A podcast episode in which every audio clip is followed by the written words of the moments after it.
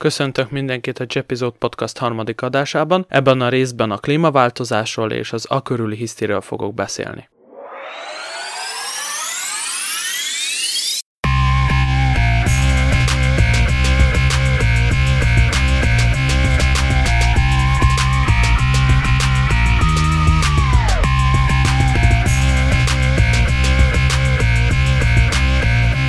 Legelőször velem szembe ez a téma akkor jött, amikor szeptember elején volt egy nagy tüntetés, és Greta Thunberg is elment a ENSZ klímacsúcsra. Nekem e, ezek a gondolatok akkor szerettek meg a fejembe, és akkor csináltam is egy Instagram sztorit, egy jó hosszút, hogy én mit gondolok az a klímaváltozást övező hisztériről, és hogy magáról szerintem mit kellene tenni a klímaváltozással, és ezért gondoltam, ugye most pont újra aktuális lett, nemrég volt azt hiszem múlt pénteken egy klímatüntetés Budapesten, és ehhez gondoltam akkor egy podcast adást csinálni, ha már vannak gondolataim erről. Ugye sokan összekeverik a globális felmelegedést és a klímaváltozást, ugyanis klímaváltozás van, nem csak felmelegedés. Ennek a része a felmelegedés, de nem ez az egész klímaváltozás. Ugye sok oka lehet a klímaváltozásnak, ugye ez nem egyedi a történelemben, például egyik oka a nagy adag károsanyag kibocsátás, a zöld területek kivágása, de amúgy ez is érdekes, hogy azért ez nem teljesen igaz, és hogy mik az okai ennek, ez, ez valóban nagyon sokrétű, de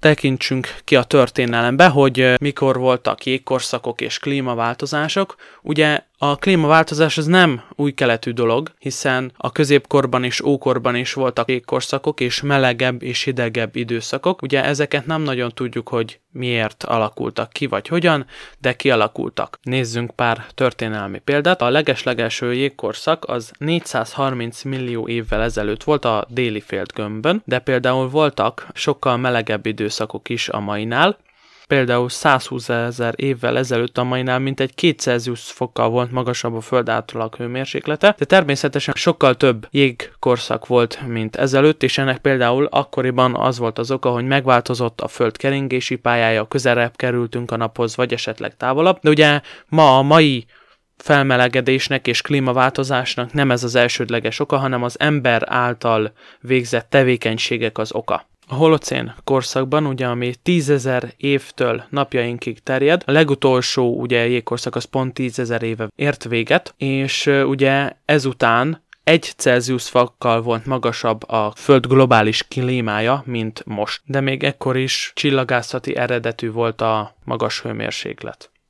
Fölmerülhet a kérdés mindenkiben, hogy miért olyan fontos a klímaváltozás, és miért ezzel foglalkozik az emberek többsége. Ugye hát az mindenki számára világos, hogy az időjárásunk az egy kicsit más, mint 30 évvel ezelőtt volt, és ennek nem természeti okai vannak, hanem az ember által végzett tevékenység az oka. Ugye senki sem biztos abban, hogy mit kellene tenni, de azzal, mind, azzal mindenki tisztában van, hogy kell tennünk valamit. És általában itt kezdődnek a nagy viták, hogy ültessünk több fát, csökkentsük a széndiokszid kibocsátást. Jó, de akkor hogyan csökkentsük? Na és ugye itt elég sok verzió van, tudományos és politikai verzió is van. Ugye a tudományos az, hogy építsünk szélerőműveket, naperőműveket, vagy geotermikus energiát használjunk, de ugye ez nem mindegyik ország számára hozzáférhet, hiszen ezek drága technológiák, és nem mindegyik országnak olyan a földrajzi fekvése, hogy például tud geotermikus energiát használni, vagy esetleg elég nap jut el hozzá. Például ugye Magyarországnak sincs annyi napsütéses órája, hogy az el tudná tartani a teljes országot energia szempontjából. Viszont ez a rész nem azért készült, hogy tudományosan kitárgyaljam a klímahelyzetet és megoldásokat adjak rá, hanem az ebből kialakult politikai vitáról szeretnék beszélni és megosztani pár gondolatot.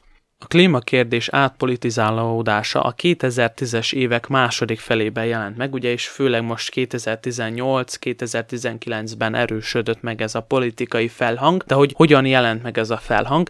Elsősorban ugye talán az egyik legfontosabb politikai szereplője a klímaváltozás körüli hajcihőnek Greta Thunberg, a svéd 16 éves aspergeres kislány, aki ugye azt látjuk a médiában, hogy kiáll nagy bőszen egymagában a nagy multicégekkel és kormányokkal szemben, és egy Dávid és Góliát harcot vív velük, hogy megmentse a jövőnket, ami bajban van. De sajnos ennél az igazság sokkal kiábrándítóbb és sokkal mélyebb rétű, de foglalkozzunk még egy kicsit Greta Thunbergnek a hátterével.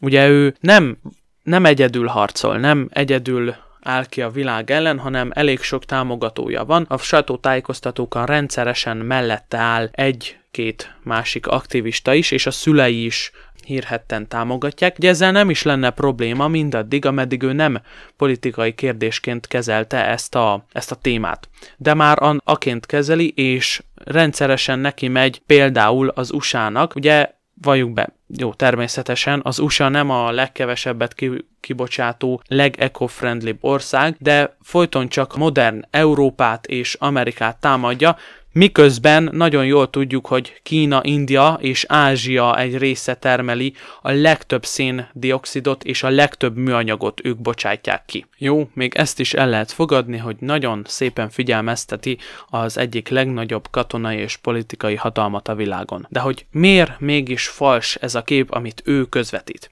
Ugyanis ő azt csinálja, hogy csak Sid, Sid, Sid és Sid, más sem csinál. Mi volt az ENSZ klímacsúcson? Milyen beszédet mondott el, és milyen volt az arca közben, miközben ezt elmondta? Egy sértődött kislányt láttunk, aki szinte félig síró hangon szitta a világ vezetőit, hogy hogy képzelitek ezt, ugye ez a híres How dare you mondata, ugyanis nagyon sok ember csatlakozott az ő kezdeményezéséhez, és ebben merül ki minden cselekedetük, hogy tüntetnek és hisztiznek. Ahelyett, hogy értelmes dolgokat csinálnának. És, és ezekkel a tüntetésekkel és hangzatos kartontáblákkal nagyon sok embert eltaszítanak klímatémától, hiszen nagyon sokan megriadnak ezektől az agresszív és hangzatos szövegektől. A másik probléma pedig az, hogy ezzel, hogy elmennek tüntetni, elhiszik, hogy ennyi volt, ennyit tettek, és hogy ők ezzel megmentették a földet. De nem, ez nem igaz. Azzal nem menti meg senki sem a földet, hogy fölhívja arra a figyelmet, hogy klímaváltozás van, és hogy ezzel kell valamit csinálni. Nem.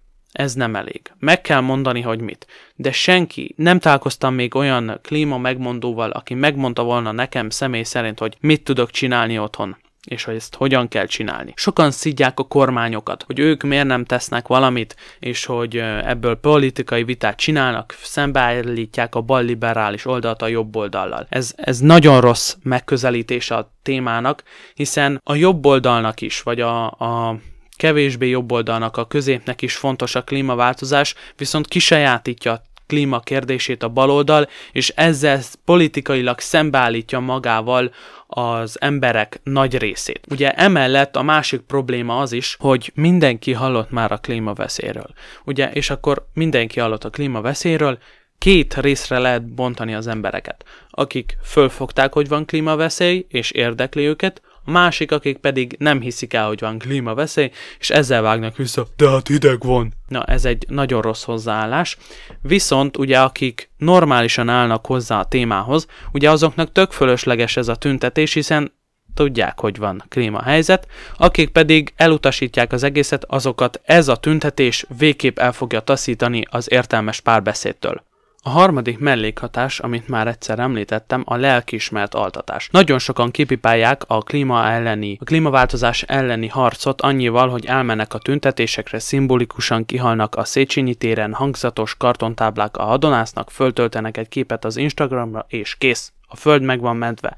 Ez nagyon káros szerintem. Én persze megértem, hogy ez sokkal egyszerűbb, mint szelektíven gyűjteni, komposztálni és semmi nejlonzacskót használni. Én ezzel nem azt mondom, hogy teljesen zero waste és eco-friendly vagyok, természetesen nem vagyok az, hiszen én erre a mester szintre még nem jutottam el, viszont amit csak tudok, én megteszek azért, hogy kevesebb energiát használjunk, és a Föld minél tovább élhető maradjon. Még egy tényező van számomra, ami elviselhetetlenné teszi ezeket a klímatüntetéseket, az pedig az, hogy, hogy milyen pofátlan módon használják fel a balliberális oldalak a gyerekeket a saját politikai tőkéjük kovácsolására. Erre jó példa az, hogy a múlt pénteki tüntetésen hány baloldali politikus jelent meg, akik nemrég még az előző kormányzat idején külföldi multicégeknek akarták eladni a magyar vízkészletet. És ezek az emberek vígan pózolnak a több tízezeres tömegben, hogy ők a fiatalokkal vannak, és hogy fontos számunkra a Föld jövője. Ez természetesen hatalmas hazugság, egyedül egy valami számít. Nekik a pénz és a saját politikai tőkéjük kovácsolása.